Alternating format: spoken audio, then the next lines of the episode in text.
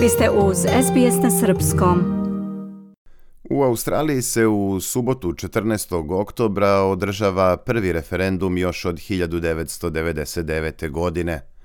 Svi punoletni državljani Australije imaće priliku da se izjasne da li su za ili protiv izmene ustava kojom bi se priznali prvi narodi Australije kroz uspostavljanje savetodavnog tela glasa Boriđina i stanovnika ostrva iz Toresovog Moreuza pri parlamentu.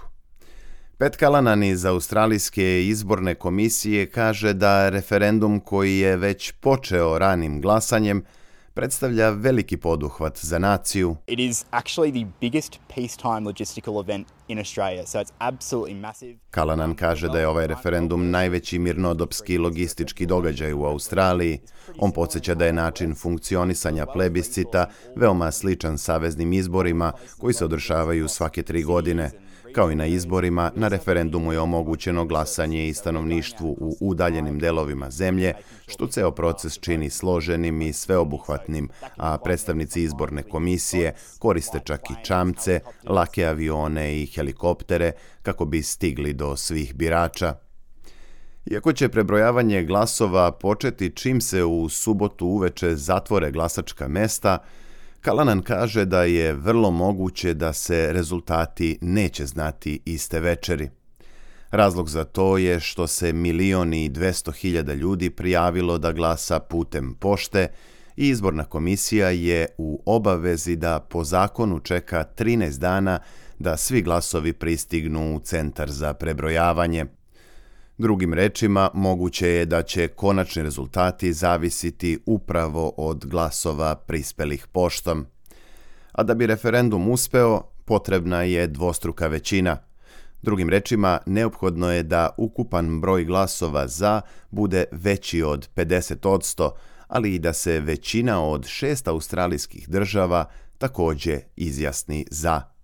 Profesorka Ann Tumi sa Univerziteta u Sidneju Kaže da čak i ako glas prođe ovaj test dvostruke većine, mogu proći godine dok on ne postane stvarnost. This might take a while. It could take a year, it could take longer.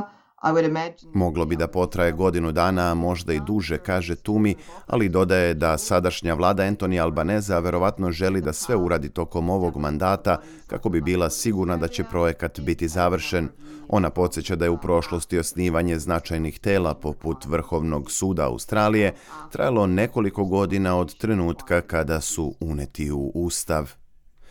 Pet Kalanan iz izborne komisije kaže i da milioni Australijanaca nikada ranije nisu glasali na referendumu, što je i dovelo do postavljanja mnogih pitanja o samom procesu.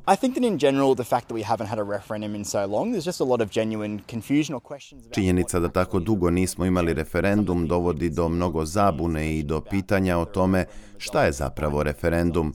Jedno od učestalih pitanja je i da li je rezultat obavezujući. Odgovor je da. Biće potreban još jedan referendum kako bi se rezultat promenio. Zato glasanje obavezno i ceo proces se u tom pogledu ne razlikuje od saveznih izbora. Prema poslednjim istraživanjima javnog mnjenja, kampanja za glasanje protiv ima veću podršku od glasanja za.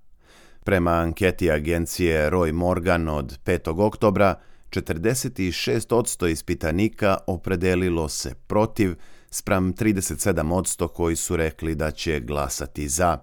Oko 17% glasača izjasnilo se kao neodlučno, a ispitivanje je sprovedeno između 25. i 30. septembra.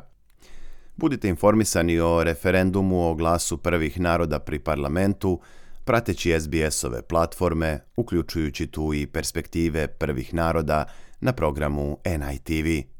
Takođe, posjetite naš specijalizovani sajt SBS Voice Referendum, gde ćete pronaći tekstove, podcaste i videoklipove posvećene referendumu. Autori ovog priloga su Greg Diet, Anna Henderson i Tom Steiner iz informativne redakcije SBS-a. Ja sam Branko Cvetojević. Ostanite uz program na srpskom. Želite da čujete još priča poput ove?